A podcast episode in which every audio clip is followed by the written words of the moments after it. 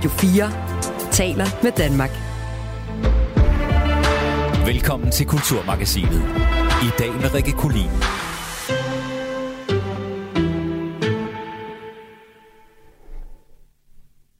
You poured yourself a, um, a mega pint of red wine, correct? A mega pint.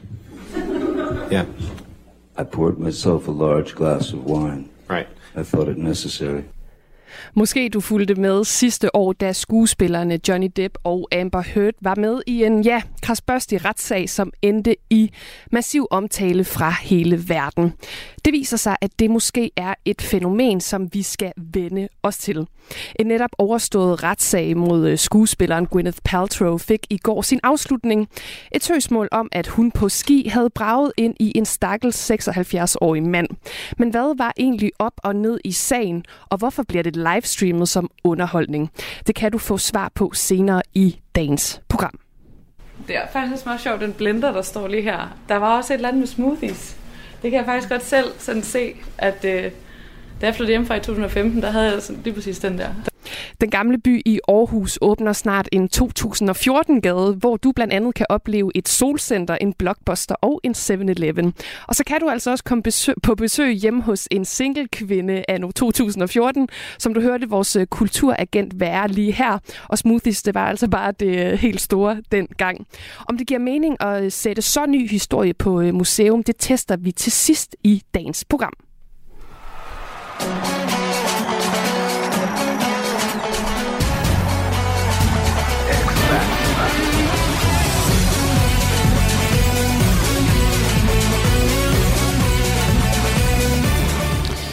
Ja, og når du hører den her melodi, så ved du vist nok også godt, hvad klokken har slået. For i aften, der er der X-Factor-finalen, når den 16. vinder i rækken skal kores.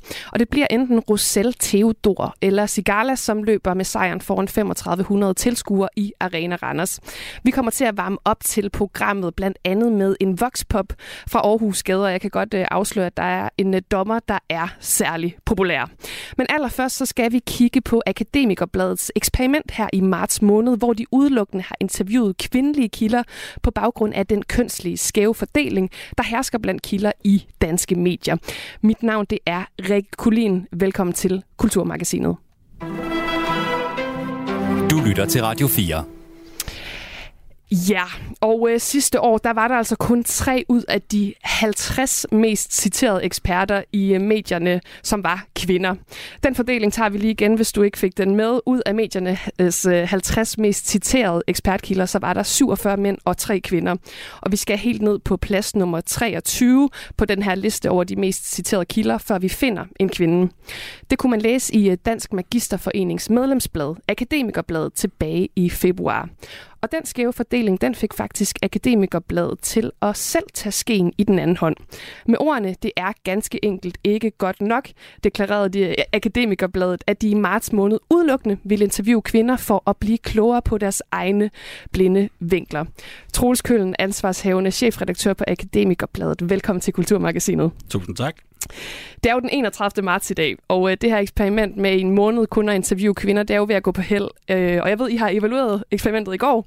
Men inden vi kommer dertil, så prøv lige at skære ud i pap for lytterne. Altså, hvorfor er det, I på Akademikerbladet har ligesom besluttet jer for, i marts måned, der har vi fravalgt de mandlige kilder? Vi laver jo hvert år en undersøgelse af, øh, hvilke ekspertkilder medierne bruger. Og som du siger, 3 ud af 50 er kvinder. Og det vilde er, at det er jo ikke overraskende, men det er forbløffende, at det er sådan. Hvorfor er det ikke overraskende? Fordi det ser man øh, gang på gang, og det er også dokumenteret af, af mere sådan seriøs forskning, at der er bare en, en, øh, en klar overvægt af mænd, og det har der altid været, så længe vi har haft medier. Ja, og nu skal vi jo dykke lidt ned i den her sådan, evaluering på processen, fordi øh, nu har I jo haft en hel måned med, med det her, lad os kalde det eksperiment. Altså, hvilke blinde vinkler er det, I er blevet klogere på i den øh, journalistik, som I bedriver? Først og fremmest er det den vinkel, øh, den blinde vinkel, at vi, når vi tænker på nye historier, så får vi måske en idé til, hvad historien skal handle om. Men det er, meget, det er sjældent, vi egentlig taler om, hvem der skal fortælle den historie. Hvem er det, der skal give os den viden? Og det betyder, at vi, øh, vi nok har en tendens til at øh, tage de åbenlyse valg, for os åbenlyse valg. Så det vil sige, at vi taler med dem, vi talte med sidste gang, eller den type af kilder, vi talte med sidste gang. Og, øh, og det, det kommer jo til at sætte sig historien på den ene eller anden måde, uden at man måske det, det sted kan måle det så, øh, så tvinger det et eksperiment som det her også til at, øh, at se kritisk på os selv. Men Hvornår har det eksperiment så fungeret bedst? Altså, hvornår er det så, man kommer til at kigge kritisk på sig selv? Det har klart fungeret bedst, når vi har talt med, øh, hvad skal man sige, erfaringskilder eller casekilder, som vi vil øh, også journalister kalder det, eller ekspertkilderne. Fordi der, øh, der er ikke den store for, altså der er masser af mænd og kvinder at tale med, så der, går, der, der, øh, der tvinger det til at se øh, nogle nye vinkler på, på tingene. For eksempel når vi dækker øh, finanssektorens øh, nye ligelige fordeling af barsel. Det var oplagt for os at tale med en mand, fordi at de får mere barsel. Men når vi taler med en kvinde, så får vi faktisk et andet perspektiv på historien, som er lige så vigtigt. Nemlig det her med, hvad betyder barsel for hele familien, og hvad betyder det for hende? Øhm, ja. Ja, og hvilke konkrete målsætninger er der så kommet ud af det her? Fordi I har jo netop så fået en masse erfaring i løbet af den her måned og med den her ja, måde at gøre det på. Vi lægger os fast på, at, at vi øh, et mål mellem 40 og 60 procent af, af kilder af det ene eller det andet køn. Og det er for at give noget elastik, sådan så at vi ikke skal jagte et eller andet helt bestemt tal, men samtidig holder selv op på, at øh, det er vigtigt, at vi har en eller anden form for balance. Og det øh, er så noget, vi lægger åbent frem måned for måned, og samtidig deler vi det så op i, om det er en erfarings, en parts eller en ekspertkilde. Og det der med, som du nævnte før, at man kan sige, at man måske har været lidt for god til at ringe til dem, man altid ringer, ringer til. Handler det om dogenskab, eller handler det om travlhed? Øhm, altså det handler en lille smule om, om begge dele, og så handler det også bare om, at det er naturligt som menneske, at vi har vores rutiner, vi har vores øh, måder at forstå verden på, som er øh, som bare er den måde, vi handler på i, i alle dele af, vores, øh, af at være menneske. Og det skal man bare udfordre øh, bevidst for at ændre på det. Så det er også bare det at være menneske, tror jeg. Altså, Og så er det det her spørgsmål, som jeg jo selv synes er lidt interessant, fordi har der været tilfælde, hvor I har fravalgt den bedste kilde, siger jeg i citationstegn, til en historie, fordi I har skulle prioritere nogle bestemte kilder, eller er det en myte? Vi har ikke fravalgt øh, den bedste kilde, når, når vi snakker om eksperter, når vi snakker om cases, og vi har heller ikke gjort det i de andre tilfælde, men man kan sige, der hvor vi har været på overarbejde, det er, når vi har skulle øh, finde nogen, øh, vi har dækket en konkret sag, en sparerunde på Syddansk Universitet, og der sidder en øh, mandlig dekan eller en mandlig rektor på en bestemt post, som er ansvarlig for det. Der er en person at snakke med, den en mand. Der har vi lavet et, øh, skal vi kalde det corporate trick, og, f- og fået organisationen til at udtale sig. Og man kan sige, det er der, hvor at eksperimentet øh, har været kunstigt. Det er der, når, der er nogle tilfælde, hvor det bare er en mand, der sidder på en bestemt post, og som har et bestemt ansvar. Og der, øh, det er så derfor, vi siger, at der sætter vi ikke et kønsmål for vores kildefordeling fremover. Der er vi afhængige af omverdenen og, og de strukturer, der er der. Ja, og hvem der ligesom kan ud, udtale sig i en vis situation. Ikke? Har jeres journalistik, og det er måske også et øh, subjektivt spørgsmål, kan man sige, men har jeres journalistik været bedre i marts måned, eller har den været anderledes? Den har i hvert fald været anderledes. I, der har været konkrete tilfælde, hvor det har været bedre. Øh, jeg ved ikke, om jeg vil konkludere på, på al vores journalistik, fordi øh, faktisk har det været det meste af tiden uproblematisk. Så øh, jeg vil sige, det har lært os det her med at, sætte, øh, at spænde ben for os selv. At det er simpelthen vejen frem, hvis vi vil udvikle os, og hvis vi vil øh, se mere kreativt på den måde, vi laver journalistik på. Ja, og så har I jo faktisk på et tidspunkt brudt lidt med det her koncept, fordi I bragte et øh, debatindlæg af forskeren Jonas Hedegaard den 22. marts. Der kan man jo spørge, har I ikke, har I ikke snydt lidt på vægten her? Det kunne man sagtens spørge. Vi, vi diskuterede det også selv. Øh, det var jo et eksperiment, vi bare satte i gang, og så måtte vi tage de der dilemmaer hen ad vejen. Øh, for os var det vigtigt, at det handlede om vores journalistik og vores tilgang til journalistikken, og ikke om at fravælge mænd. Øh, og sådan et debatindlæg, det kommer jo ind udefra, og det synes vi på en eller anden måde, det, det gav ikke nogen mening at frasortere mænd som sådan. Det handler mere om, at vi skulle se kritisk på vores egen praksis. Og der er debatindlæg ligesom en anden, en anden størrelse, synes jeg. Og hvorfor var det lige præcis det debatindlæg så så vigtigt, når nu det var en mand, der havde skrevet det? Øh, det, jeg ved ikke, om det var, vi kunne også godt have udskudt det jo en måned. Altså, det virkede bare sådan lidt øh, søgt på en eller anden måde at holde mænd ude. Bare for at holde mænd ude, det var ikke det, det handlede om. Det handlede om at, at være kritisk for, over for os selv. Men det vil kritikere jo netop sige, I har gjort, fordi I har givet jer selv det her benspænd. Så kan man godt give sig selv et benspænd, og så alligevel altså, hoppe over det benspænd. Øh, jeg, synes, jeg synes ikke, vi hoppede over benspændet, men øh, det er fair nok at stille spørgsmålet selvfølgelig. Øh, fordi vores benspænd handlede om, om vores journalistik, og det, det, de kilder, vi ringer op til, de øh, personer, vi vælger at tale med. Her var der tale om en, en mand, der kom med et debatindlæg. Ja, det, man kunne også have gjort, man kunne også have udskudt det en måned. Det tænkte vi bare var lidt for kunstigt på en eller anden måde. Og, og nu har vi jo så øh, snakket meget om køn her til at starte med. Hvordan kan det være, at I så kun har valgt at måle på køn? Fordi der findes jo også klasse, race, seksualitet, øh, handicap osv. Men der jo findes jo masser af kriterier for at øge repræsentation blandt sine kilder, og vi har jo en tendens til at være meget binære, når det kommer til de her inddelinger. Så hvorfor lige præcis kun køn? rigtig godt spørgsmål, og det er faktisk også et, øh, et stort dilemma, synes jeg, fordi øh, jeg tror, mange moderne feminister måske siger, at køn er bare en lille del af det, man bliver nødt til at se lidt mere bredt på det, og øh, der er jo andre grupper i samfundet, som er meget mindre hørt. Øh, du nævnte selv folk med handicap, eller øh, der er etnicitet og sådan nogle ting. Øh, vi sætter gang i et forsøg med at se på, om vi, kan, øh, om vi på en eller anden måde kan måle vores brug af kilder baseret på etnisk baggrund. Det er der, lavet nogle, nogle, der er nogen, der har lavet nogle metoder, hvor man ikke behøver sådan direkte at interviewe folk i dybden om deres øh, ophav. Men øh, de andre, de andre øh, køn er nemt, fordi vi ved cirka, hvor mange der er hver, og, øh, og øh, det, er, det er nemt at arbejde med, fordi vi behøver ikke at gøre det til, en større, til noget større end det er. De andre er lidt mere kompliceret at arbejde med, så det er ikke fordi, jeg ikke vil, men jeg, øh, jeg ved bare ikke præcis, hvordan man gør, tror jeg, jeg vil sige. Men nu har man jo for eksempel, nu nævner du etnicitet, som kunne være en måde, hvor man kan sige, okay, der er underrepræsentation af, af kilder med anden etnisk baggrund. Øh, rapporten, dem vi stadig taler om, den udkom øh, sidste år, udarbejdet af Center for øh, Nyhedsforskning på, øh, på RUK for tredje gang siden øh, 2011. Og den konkluderede det samme, som den også gjorde i de to øh, andre gange, den er udkommet, nemlig at øh, folk med anden etnisk baggrund, det vil sige indvandrere og efterkommere med ikke-vestlig baggrund, de er underrepræsenteret som kilder i, øh, i mediernes nyhedsdækning.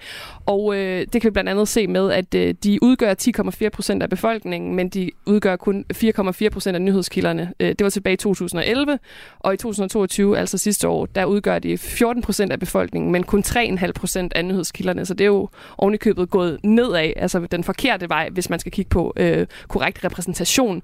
Når nu rapporter som den for eksempel findes, så er det vel ikke særlig fluffy. Altså hvorfor så ikke bare handle konkret på at sige, der er underrepræsentation her, vi har det sort på hvidt i en rapport. Nu vil vi også øh, tage den øh, faktor med. Det, og det er, lige, vil sige, det er lige præcis den faktor, vi, vi lige sætter et forsøg i gang med. Øh, køn har vi ligesom arbejdet med tidligere, det vidste vi, hvordan man skulle håndtere. Øh, jeg, jeg læste også godt den rapport, og jeg vil sige, i forbindelse med det her forsøg har jeg talt med mange flere og eksperter om det her emne, og jeg mener faktisk, at den rapport, som har ligesom opgjort en metode til at gøre det på baggrund af navn, som øh, stadigvæk vil fungere i dag. Altså det vil blive sværere og sværere i takt med, at øh, folk er her i længere tid, og, og vi får mere og mere de samme navne. Men øh, Øh, jeg synes, det er et oplagt sted at starte. Handler det også om, at øh, nu, nu spurgte jeg om, det handler om øh, dogenskab eller tid tidligere. Handler det om, at øh, danske journalister er dårlige til at arbejde mellem flere intersektioner, at vi ligesom kun kan tage én ting ad gangen? Det handler i hvert fald om, det er svært, tror jeg. Altså, jeg tror, det er svært at have fokus på alle de der ting, øh, også på en måde, hvor det... Øh, hvor man ikke jagter altså sådan, og, og, og sætte kryds af, fordi altså, som journalist går vi også meget efter øh, det menneske, vi taler med, og, og, og man kan også komme til at sætte kryds i mange forskellige bokse. Øh, så det er det ene dilemma. Men jo, altså, det handler nok også om, at vi ikke ved nok om det. Altså, det er i hvert fald tilfældet for mig selv. Jeg er ikke, øh, jeg er ikke skarp nok på det, og det burde jeg nok være. Og så øh, kan det jo være, at nu har I jo evalueret meget. Hvad har I lært af det her eksperiment, og hvad kan andre medier lære af det? Jeg vil sige, at vi har først og fremmest lært, at det er vigtigt at forpligte sig selv på, øh, på de mål, man sætter, og hvis man konstaterer, at der er et problem, så, øh, så skal man øh, ja, forpligte sig selv til at gøre det melde det ud offentligt, øh, rapportere ud, så folk kan se en efter øh, kritiske sømne. Og øh, for det andet, at øh, sætte nogle benspænd for sig selv, som gør, at man bliver tvunget til at udfordre sin egen, øh, sin egen vaner. Truls Kølen, ansvarshavende chefredaktør på Akademikerbladet. Tak fordi du var med i Kulturmagasinet. Tak, god weekend. God weekend. Du lytter til Kulturmagasinet. Det her er ugens anmeldelse. Hvis du har hang til nostalgi fra nullerne, så er der masser at komme efter i den gamle by i Aarhus, som snart åbner op for en ny såkaldt 2014-gade. Museet det er kendt for at give besøgende en oplevelse af at kunne bevæge sig rundt i historien. Der er både en gade fra for eksempel 1927 og øh, en fra 1974, hvor man altså kan opleve øh, tiden, der var dengang. Og den nye 2014-gade, den åbner den 5. april. Men øh, vores kulturagent Mathilde Reinicke og min kollega Lene Grønborg Poulsen, de har øh, fået lov til at tage til forpremiere for at teste den her oplevelse.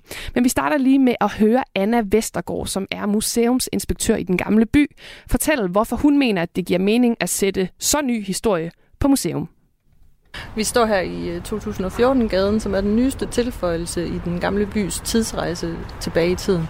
Og det bliver sådan med den nye hovedindgang, at man kommer ind tæt på vores egen tid, sådan så man rejser bagud i tiden, hvor man førhen rejste fremad i tiden.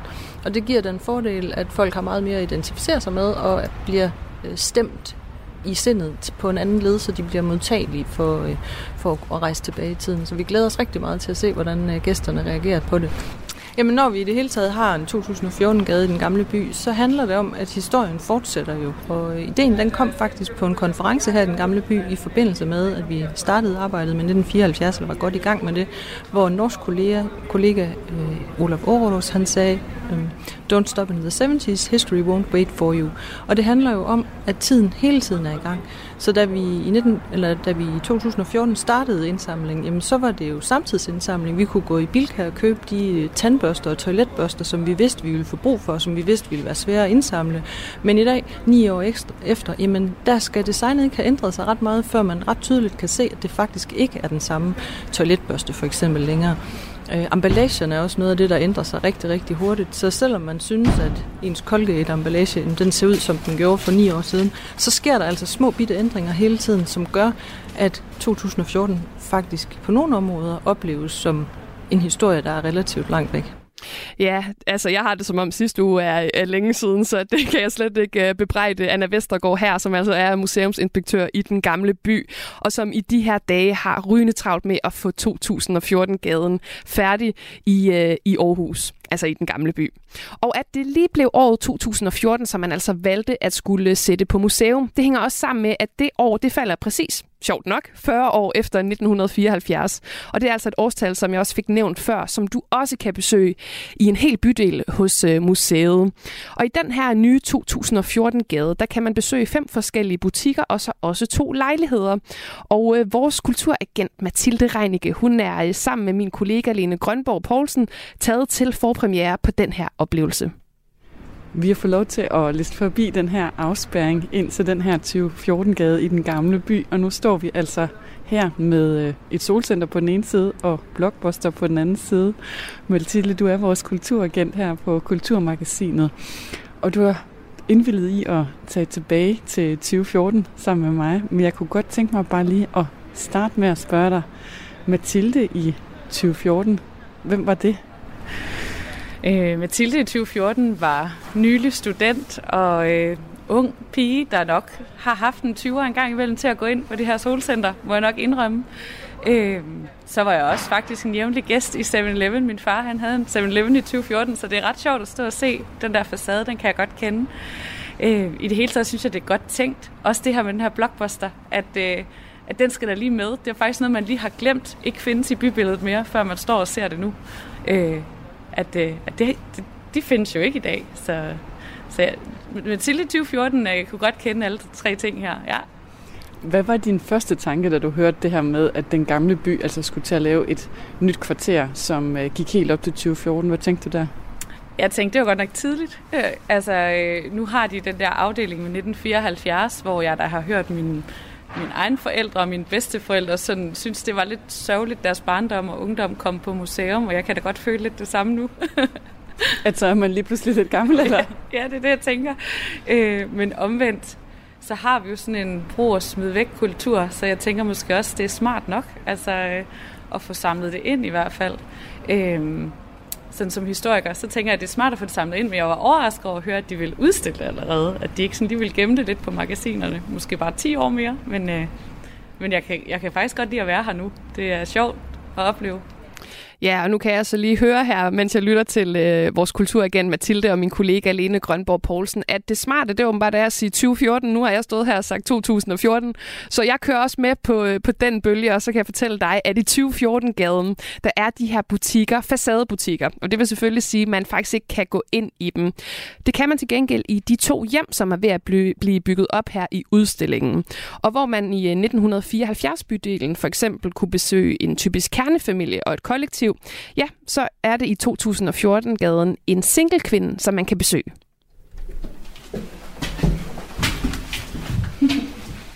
Og her der kan man så se på væggen, der står et øh, skilt med, at øh, hun har været single i flere år, og er en af de 1 millioner danskere, der bor alene. Hun har en kæreste, som hun mødte på Tinder i 2014. Så der er altså lige lidt fakta om hende, vi skal op og besøge her. Jeg kan også se, hun hedder Rikke, og hun kan lide at samle vennerne til fest i den her lejlighed.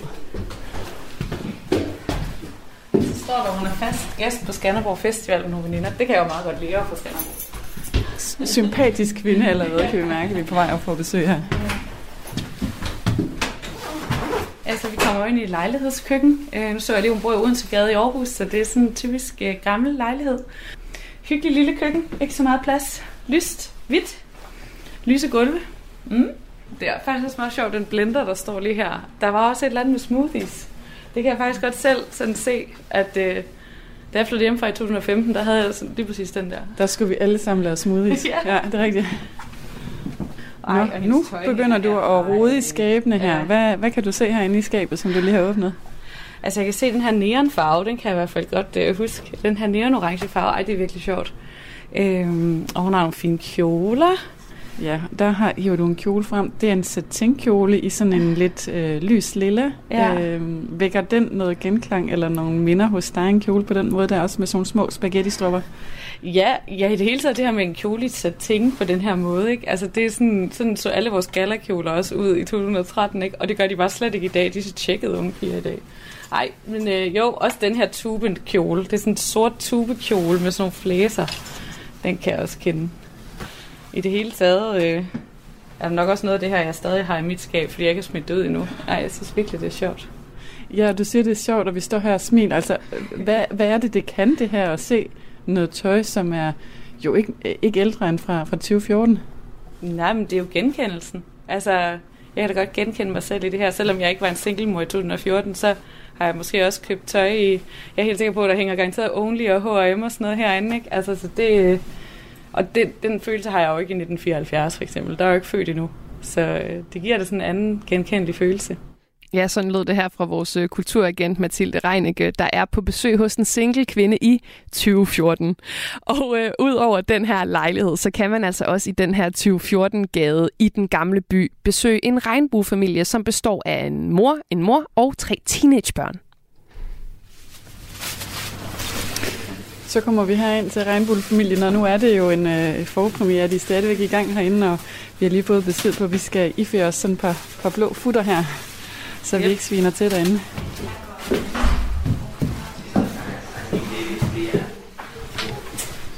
Ja, fin lille stue med fladskærms-tv. Og så sådan nogle møbler, der på en eller anden måde tyder på, at det er de gamle, deres gamle møbler, ikke? Altså det er nogen, der har været med dem, måske nærmest hjemmefra, eller med øhm, tæppe over og puder med mønster. Og den der, er det en klintlampe, eller hvad? Ja, det er en klintlampe, Ja. ja. Og så er der jo noget her på, øh, på bordet, Ja, så se som det øh, øh, ja, man sjældent ser. De skal nok op stå et eller sted. Ja, det er rigtigt. Der er seer. Se der med, der er de der sådan OABE-kategori, og der er nogle børne der med Anne Gadegaard og Ras fra MGP og sådan noget. Det er børnene der. Ja. Og Drops øh, katalog, de strikker fra et øh, fysisk katalog, i stedet for at købe en opskrift på nettet. Det var før strikkeinfluencer på Instagram. Det må man sige. Og DVD'er, ikke? Og DVD-maskine er den der kombi med VHS og DVD, for man har stadig øh, nogle gode VHS'er, man skal holde ved lige. Ja. Mm. Og nu er vi så i en lejlighed her, som i modsætning til den før, består af to kvinder, øh, et par af samme køn, men det er jo egentlig ikke sådan noget, der på den måde har gjort noget ud af. Altså, hvad tænker du om det? Ja, det er faktisk rigtigt. Jeg har slet ikke skænket det en tanke øh, på den måde, andet end altså, de her tekster, øh, der handler. Så kan jeg så se, der, der kører interviews med dem, som vi ikke har stoppet op og har lyttet til om deres liv. Men det tænker jeg da netop er, fordi at i 2014, der er det sådan en del af bybilledet, at man er et par, øh, eller man kan være et par af det samme køn, og, og have sat børn i verden. Øh, så, så det er da nok det, der er pointen med, at det ikke er tydeligere end det. Og nu skal vi ind på brugerens værelse herinde, øhm, og det er noget med, at der er en del musik herinde, fordi det er en uh, top 50, som uh, man kan høre. Vi kan allerede fornemme det nu her. Det var noget af det musik, man lyttede til. Ja, det er jo Medina. Og det kom hurtigt, du sagde det. Det er Medina, det er det nemlig. Ja, det er i hvert fald min teenageår for mig, og gymnasietid, som passer med. Og ligesom sin bror, så har han også sådan nogle levn fra sin barndomsværelse. ikke? Han har sådan en knærække med sådan nogle barnlige hus på en eller anden måde. Øhm, og har DVD'er og ja. Og også en gamerstation sat op, så de kan sidde på hver deres værelse og game, ikke? Mm. Ja, vi forlader regnbuefamilien her til tonerne af Medina. Og uden for øh, udstillingen her og lejligheden her, så gør øh, kulturagent øh, Mathilde Reinicke og min kollega Lene Grønborg Poulsen status over det her besøg. Nå Mathilde, nu er vi kommet ud af de her to øh, spændende lejligheder og ned på gaden igen. Det havler lidt, så vi står lidt i læ her. Øh, hvad tænker du om den her oplevelse? Hvad har den fået dig til at reflektere over? Jamen, den har da fået mig til at reflektere over, hvad det er at gå på museum. Altså, at øh, den her oplevelse i de her to lejligheder øh, har egentlig mest været sådan identificerende for mig. Altså, jeg har identificeret mig med det, jeg så, frem for at prøve at lære noget om fortiden. Så har jeg sådan genoplevet den. Så det synes jeg har været sjovt. Rigtig sjovt og anderledes. Ja. Og du har jo selv øh, en baggrund i netop museumsfaget og arbejder lige nu på øh, Museum Skanderborg. Altså, hvad tænker du som sådan lidt fagperson i forhold til det her med at formidle så ny historie? Jamen, jeg tænker, at øh, det virker på en anden måde, og jeg tænker i høj, høj grad også, at det vil kunne tiltrække et andet publikum. Øh, fordi museumsgæsten øh, er ikke nødvendigvis kun en, der vil lære om noget om 1864 eller 1927, som de også har her i den gamle by, og som jo også er en spændende del af museet, men jeg tænker, at de vil, med den her øh, gade, der vil de kunne tiltrække nogle af dem, der tænker, at historie er lidt støvet, historie er måske lidt kedeligt og lidt for langt væk. Øhm, og så er også nogen, der vil være nysgerrige, ligesom jeg sagde, inden vi gik ind på det her med sådan, ej okay, er det ikke lidt for tidligt at, at sætte øh, 2014 på museum? Øh, for det vil jeg faktisk sige, efter at have været derinde, så synes jeg ikke, det er for tidligt. Jeg synes bare, det er noget andet. Jeg vil i hvert fald sige tusind tak, fordi du ville tage med mig tilbage her til 2014, og så fordi det er så sjældent, man egentlig får lov til at sige det, så vil jeg sige tilbage til fremtiden. Ja, fra 2014 tilbage til 2023 her i studiet. Hvis du selv vil på tidsrejse, så er det fra den 5. april, at du kan besøge 2014-gaden i den gamle by. Du lytter til Kulturmagasinet på Radio 4. Your next witness? Your Honor, we call Mr. John C. Depp. Good afternoon, Mr. Depp. Good afternoon. Can you please tell the jury why you're here today? Ja, um, Og oh, jeg fik yes. lige uh, afbrudt her Johnny Depp uh, lidt før tid, men det var altså Johnny Depp skuespiller, du hørte her, som uh, blandt andet er kendt fra Pirates of the Caribbean uh, franchisen, som jo sidste år var i en omstridt og omtalt retssag, hvor han lagde sag an mod sin ekskone, skuespilleren Amber Heard, som han var gift med fra 2015 til 2016, og som han uh, beskyldte for at have bagvasket ham i et debatindlæg i avisen Washington Post, som uh, blev udgivet tilbage i 2018. Og hele verden inklusive mig selv, må jeg indrømme, fandt øh, popcornene frem og så med fra diverse livestreams på internettet. Den her retssag, den fik altså øh, internettet til at diske op med utallige memes, artikler, podcasts og debatter om, hvem der havde ret og hvad det her betød. Og den her tendens med at følge med i A-liste kendtes privatliv gennem retssager, den blomstrer altså for tiden. For netop i de her dage, der har der udspillet sig endnu et retssalsdrama i USA. Dengang, der har hovedpersonen været skuespiller Gwyneth Paltrow, som øh, blandt andet er kendt fra film som øh, Seven, The Talented Mr. Ripley og The Royal Tenenbaums. Og så har hun altså også siden 2008 haft øh, helse- og øh, livsstilsbrandet Goop. Og øh, spørgsmålet i den her omgang, det var en lidt anden ordlyd end uh, hustruvold og bagvaskelse, i, øh, som det var i Hurt vs. Step-sagen. I den her sag, der er det den 76-årige læge Terry Sanderson, som i 2019 øh, rejste søgsmål mod den øh, 50-årige skuespiller Gwyneth Paltrow her altså. Og det drejer sig om et øh, sammenstød mellem de to på en skiferie, der fandt sted tilbage i februar 2016 på øh, skistedet Deer Valley Resort i staten Utah. Den centrale anklage var, at Gwyneth Paltrow har kørt, og jeg citerer, ukontrolleret skiløb. Og de er grundlæggende uenige om, hvem der løb på ski bag ved hvem. Og det er altså også øh, derfor øh, en, en, øh, hvad skal man sige, et spørgsmål, der handler om, hvem der var bagerst på skibakken. Og ifølge Terry Sanderson, så ramte Pathrow ham bagfra, så det næsten virkede som om, at hun gjorde det med vilje. Han har forklaret, at han ikke længere kan stå på ski, og på grund af en hjernerystelse også, øh, og også fik øh, brækket fire ribben.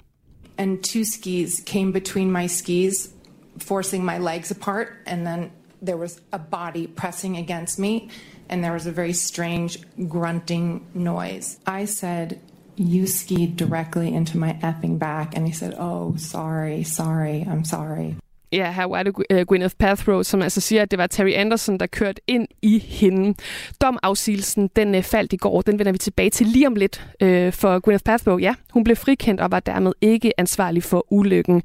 Der er altså masser af ting at spørge om i den her sag. Jeg prøver at finde hoved og hale i det hele, og mest det her med at høre nogle meget rige mennesker snakke om at stå på ski. Men med mig til at finde ud af det hele, der har jeg dig, Sara Iben Almbjerg. Du er film- og medieredaktør på Berlingske. Velkommen til Kulturmagasinet. Tak skal du have. Så vi skal jo øh, dykke ned i den her sag, og hvad den siger om verden. Men jeg synes lige, vi skal starte med den her domsafsigelse, for den kom med midnat dansk tid, og den skal vi lige høre her. Was Gwyneth Paltrow at fault? No. Was Terry Sanderson at fault? Yes. Did Terry Sanderson's fault cause Gwyneth Paltrow's harm? Yes. Comparative fault. What percent of the fault do you assign to Terry Sanderson? 100%. Damages. What amount fairly commensur- com- compensates Gwyneth Paltrow for economic damages? $1. Ja, her fik vi altså domafsigelsen, og øh, hun var ikke ansvarlig for den her skiulykke, og fik altså medhold i, at det faktisk var Terry Sanderson, der var skyldig. Er det her en overraskende dom? Det synes jeg ikke, det er, men det er jo også en dom, der viser, at det jo faktisk slet ikke er det, det handler om på en eller anden måde. Altså, øh, jeg så en amerikansk journalist, der kaldte det courtcore, altså som sådan en ny genre, de her retssalsdramaer, vi sidder og kigger på, og som man måske også kunne høre her i klippet, så det som Gwyneth vinder i anførselstegn, det er en dollar og sagsomkostninger, så det har aldrig handlet for hende om økonomi, det har handlet om anseelse øh, og øh, omtale og omdømme, og det får man lige i øjeblikket i de her offentlige retssager. Og det er, som du siger, det er jo en, en ret simpel uh, sag, uh, det her, og som du siger, det handler heller ikke om penge, så det, der var på spil, er måske den her omtale, men hvor meget har du selv fulgt med i livestreaming af noget, der jo egentlig virker på papiret ligegyldigt? Altså, jeg kan desværre godt blive virkelig fanget ind af sådan noget her. Øhm, og jeg lærte lektien under Johnny Depp Amber Heard-sagen, hvor jeg jo nærmest sad og så syv timer om dagen, så jeg har, jeg har begrænset mig. Men jeg synes, øh, jeg synes egentlig også, at den her sag endte med at være fascinerende, fordi den kom til at handle enormt meget om celebrities. Altså, den kom til at handle om hele vores berømthedskultur. Øh, og den fik sådan gen i øh, Gwyneth Paltrow som sådan en gammel Hollywood. Og når jeg siger gammel, så er fordi hun er født ind i filmbyen. Hun er, sådan, øh, hun er det modsatte af, en, af, af, af sådan en newcomer. Hun er en nepo baby. Ikke? Hun er hjulpet ind. Hun er født i penge. Hun er født til penge. Hun er høj, smuk og guddommelig rig. Øh, og, og det lægger hun bare ikke skjul på. Og hele hendes optræden i retssagen har været, øh, altså har været mange think pieces hver. Hvad for noget tøj havde hun på? Hvordan betonede hun sine replikker? Og jeg vil sige, hun kommer ud af det her som øh, den, den, øh, altså vi har bare sådan fået etableret hende igen som den her sådan gamle dronning for Hollywood. Og når jeg siger gamle, er det igen ikke hendes alder, for hun er kun 50, eller er hun 51, men det omkring, ikke? Øh, øh, som som virker en lille smule verdensfjern, og som måske faktisk hviler lidt i at være verdensfjern, som jo også kan være øh, ret skønt at se, når nu vi hele tiden får at vide, at nej, men, øh, de kendte er ligesom os, og de tanker ligesom os, og folk tager billeder af Kim Kardashian, så hun står på øh, McDonald's og sådan noget. Øh, og så er det egentlig meget skønt at se en her, som bare selvfølgelig kommer på retssagens første dag i en hvid højhalset turtlenet til 600 øh, dollars.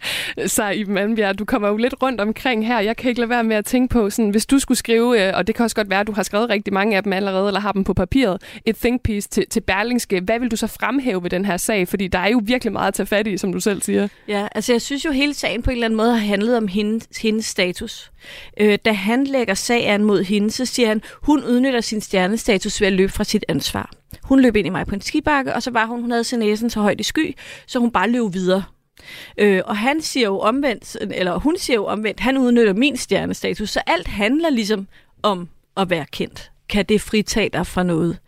Øh, jeg har set mange, der spekulerede i, om, øh, om han anlagde den her sag og regnede med, at hun ville forlige dem, fordi 95 procent af den her slags sager, de bliver, der bliver indgået forlig. Fordi øh, den berømte har penge nok, behøver ikke udsætte sig selv for den her opmærksomhed og for paparazzi-fotograferne, der står ude for en retsbygning. Men hun valgte jo at tage den. Altså hun har alligevel været så tilpas provokeret eller ligeglad, eller hvad hun har været til at gå ind i det. Men jeg synes, det er den der berømthed, der er interessant, og jeg synes, man kan jo vælge at sætte sig ned og analysere det som et stykke kultur. Ja, og du øh, nævner jo så den her nye genre, som vi åbenbart skal vende os til, og som måske især blev sat i gang af Depp vs. Hurt sidste år, nemlig Kort Core. Den her nye form for, det er jo ikke engang fredagsunderholdning, det er jo hele tiden, ja. hele ugen, at det vores nye Disney-show, det her med at følge med i absurde retssager live på YouTube, altså... Altså nu vil jeg ikke anbefale det til børnefamilier nødvendigvis, fordi man kommer jo også lidt ind bag facaden, og det tror jeg er del af attraktionen. Altså i et hvert retssagsdrama er der jo en konflikt, der er jo to, der er uenige, og det er jo det, man fanger folk ind på, det er jo det, vi dybest set synes er interessant. Der er også det, den ukendte faktor, som gør, at vi læser krimier og ser øh, true crime, altså hvem gjorde det, vi kan gætte med, ikke? hvem virker troværdig.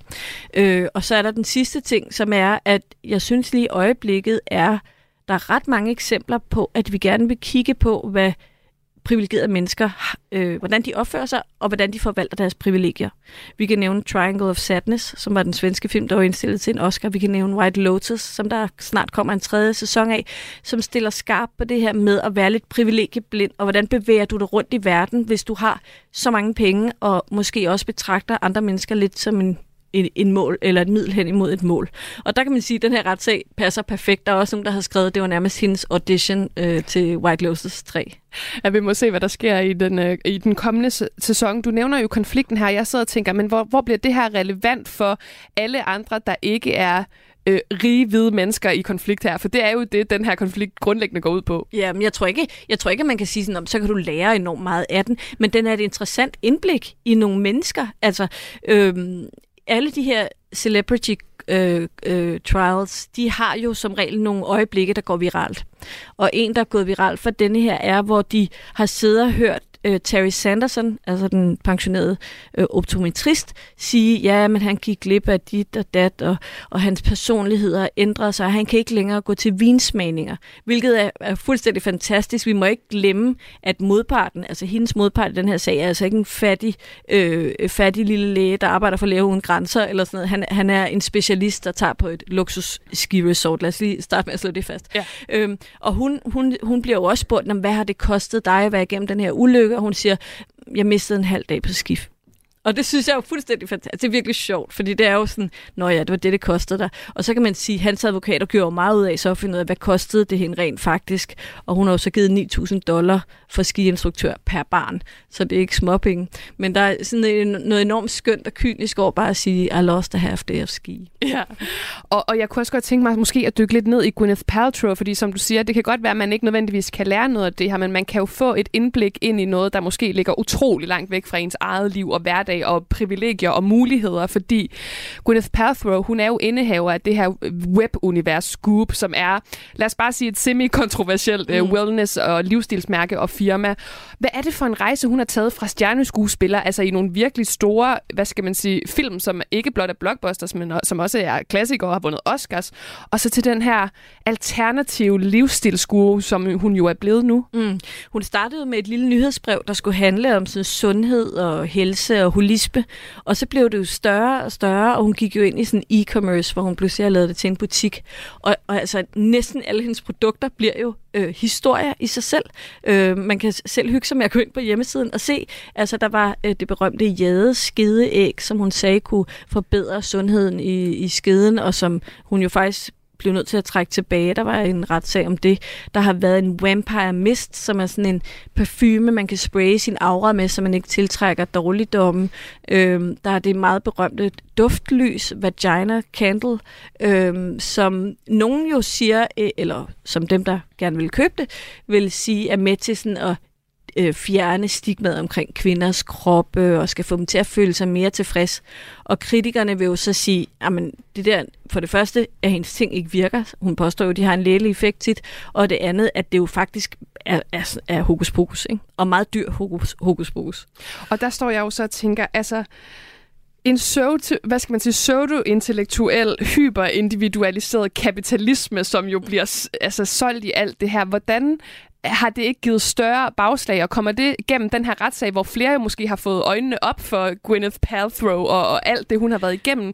Altså, hvad kommer det til at betyde for hendes øh, omdanne, øh, omdømme, og hvad skal man sige, plads som, som den her, ja, altså øh, pseudo-intellektuelle frelser? Man skal altid tænke over, hvor folk kommer fra, når de går igennem sådan noget her. For Bill Cosby, da han fik en MeToo-sag, var det jo katastrofalt, fordi han var familiefaren par excellence, han var øh, all-American, alle kunne lide ham. Når Will Smith går op og giver nogen en losing, så har det kæmpe betydning, fordi han også er sådan en, der scorer meget højt på sådan nogle likability-målinger. Øh, Gwyneth Paltrow kommer fra et andet sted. Hun har flere gange været kåret som en af de celebrities, folk hader mest. Hun har stået på et, et tv-show og blevet overrasket over at møde en, hun havde spillet sammen i Spider-Man med at sagt, jeg har aldrig været med i Spider-Man. Altså hun har ikke bare glemt ham. Hun har glemt en af verdens mest indtjenende film, hun har været med i den. Øhm, og det virker som om, at hver eneste gang, der er kontroverser om Goop, Mm, så tjener de flere penge. Så jeg tror ikke nødvendigvis, hun mister særlig meget ved det her. Tværtimod tror jeg faktisk, folk synes, hun var lidt cool. Altså, ikke forstået som, at man gerne vil være som hende, men på en måde meget sådan befriende at se den der celebrity, der bare er sådan lidt for lækkert klædt, lidt for nonchalant.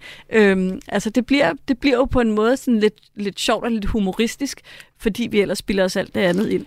Så det, jeg faktisk hørte dig sige, det er, at sådan, jo større backlash, jo mere, i hvert fald over tid, der, der passer det Gwyneth Paltrow. Altså, jeg siger ikke, hun har spekuleret i det, men jeg, jeg har meget svært ved at se, at det skulle skade hendes omdømme. Hendes omdømme er i forvejen ret dårligt, så hun har ikke haft så meget tab.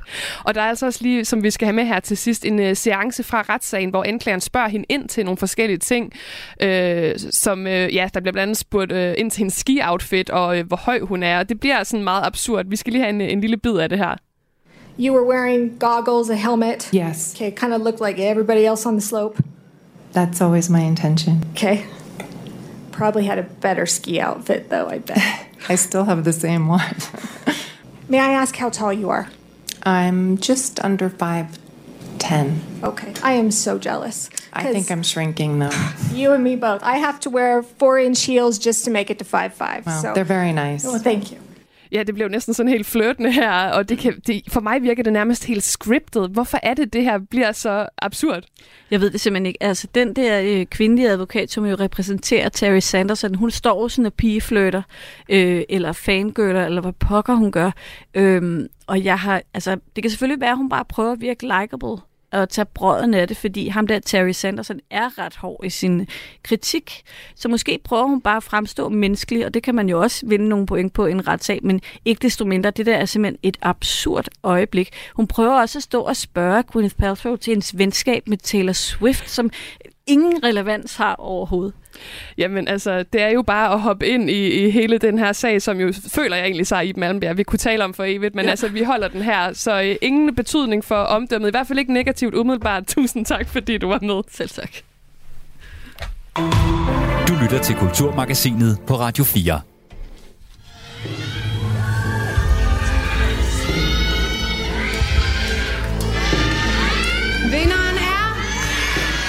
Rosel Theodor eller Sigalas er vinderen i øh, en af dem i hvert fald i årets X-Factor i aften, for nu skal det handle om finalen i X-Factor, som altså, øh, ja, det er den sjette sæson, vi er i gang med.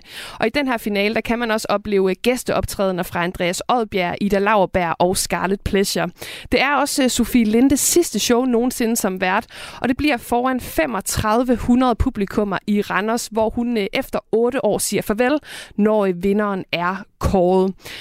Og øhm, jeg har simpelthen med i dag øh, en øh, vinder, tidligere vinder af X-Factor til at lige øh, kigge på, øh, på årets finale, og så lige tage, hvad skal man sige, også lidt med øh, bag kulisserne. Fordi for fire år siden, der var der et samarbejde mellem dommer Thomas Blackman og deltageren Christian øh, Kærlund, som endte med en sejr til Christian. Og hvis du ikke lige kan huske Christian Kærlund, så får du altså lige en, øh, en lille bid fra hans vindersang Lost and Profound.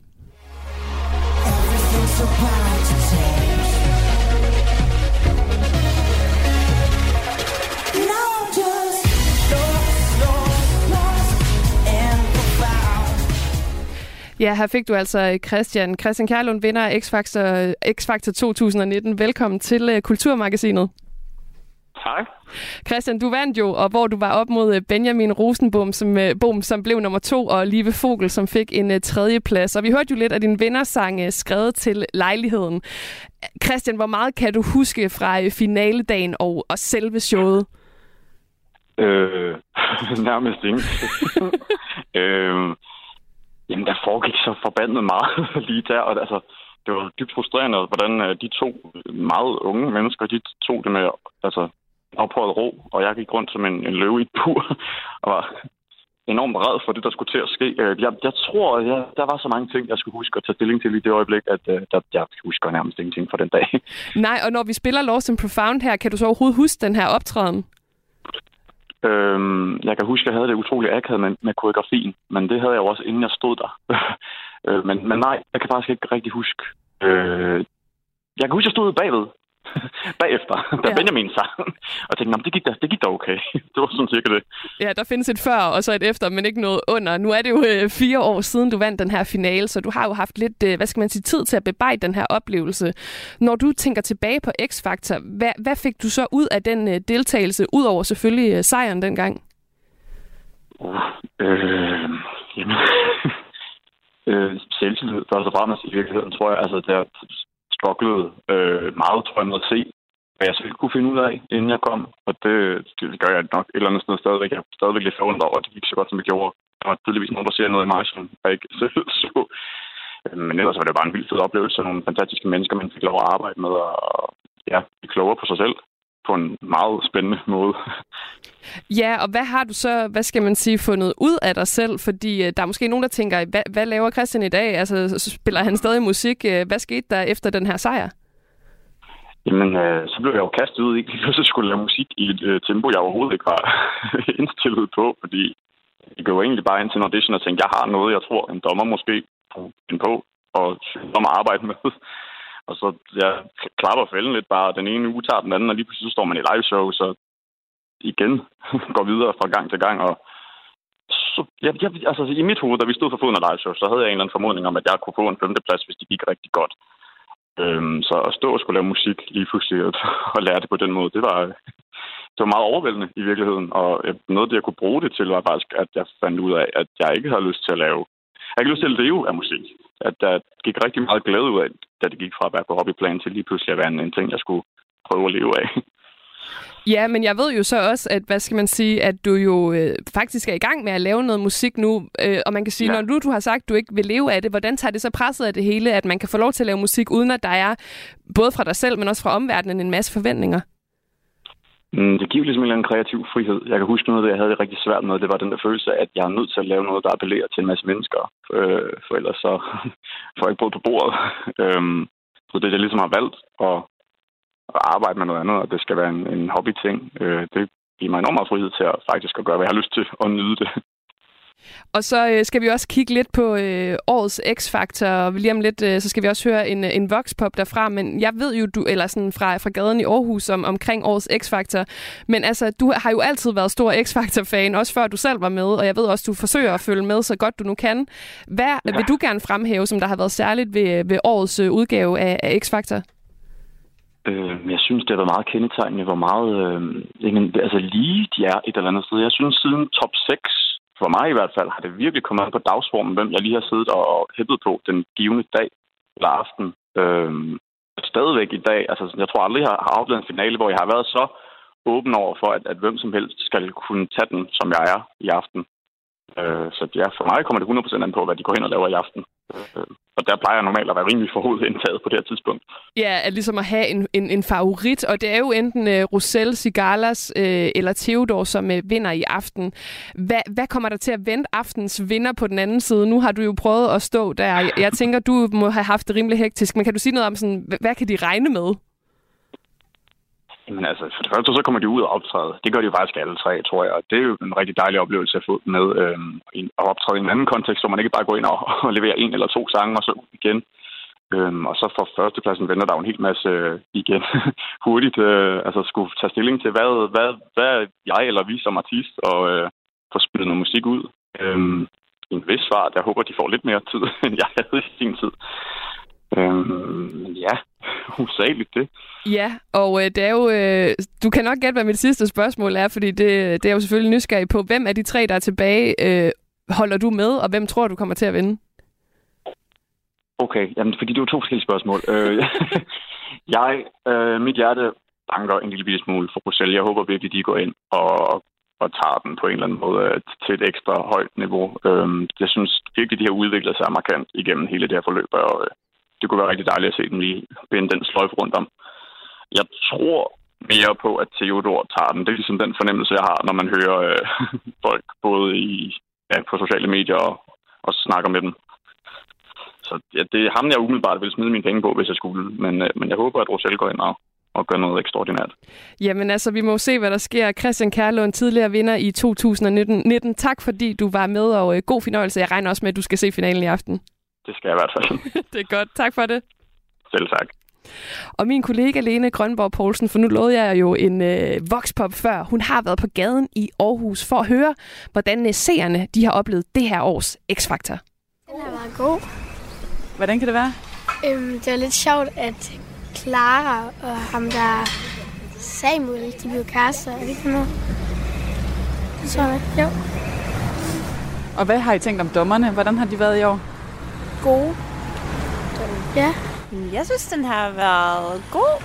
Altså, øh, ja, jeg synes egentlig, jeg har fået en god sæson. Øhm, altså, det er X-Factor, og det har været godt, og det har været fedt med Simon Kvam som dommer. Det er da noget, man har snakket om. Jeg tror bare, det havde også lidt et frisk pust, øh, at øh, han giver noget andet til programmet.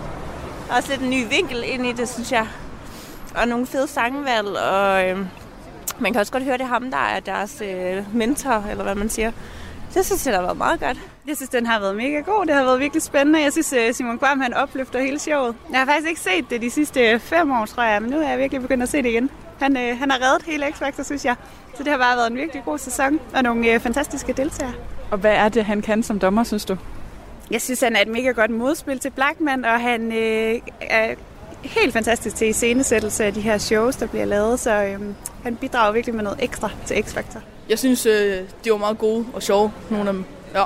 Ja, jeg synes også, auditions de er sjove, men ellers så, øh, så når det ikke er auditions, så, så synes jeg ikke, det er så sjovt længere. Hvad er det, der er sjovt ved auditions? Det er, at der er både gode og dårlige, og man ved ikke rigtigt. Sådan, nogle gange så kommer der nogen, som er lidt skøre, og det gør der jo ikke øh, i, de andre, på, i de andre episoder. Jeg kan også bedst lide auditions, men lidt af samme grund, som han sagde. Jeg synes også, det er sjovt nogle gange, når der kommer nogen, der ikke overhovedet kan synge. Nå, okay, jeg synes Simon Kvam, han var god. Han har været god. Jeg har ikke sådan rigtig så meget øh, imod hende der, Camille, jeg ved ikke så meget med hende. Men Thomas Blackman, han er jo altid god. Ja, der var altså blandt andet konsensus her fra øh, de folk, som min kollega Lene Grønborg Poulsen, hun spurgte øh, på gaden om årets X-Factor, at øh, Simon Kvam, han var altså bare øh, en guttermand, og han har givet noget til programmet. Og det er jo også det her med, hvad kan man sige, at en, øh, en dommer og en deltager, de skal jo på en eller anden måde også fungere godt sammen, for at de kan skabe den magi, der øh, gør, at man i sidste ende kan blive vinderen. Og jeg synes, vi skal slutte øh, dagens program af. Nu har jeg jo snakket med Christian Kærlund i dag med at høre hans vindersang tilbage fra 2019, og det var jo Thomas Blackman, han arbejdede sammen med på, øh, på det tidspunkt.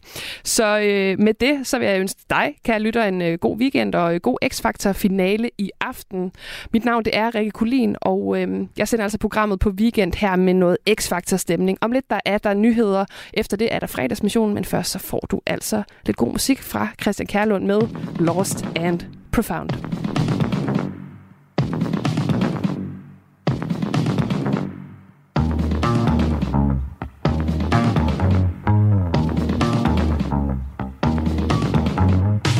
Something in the way they move makes me tired. Run around all day long until you expire.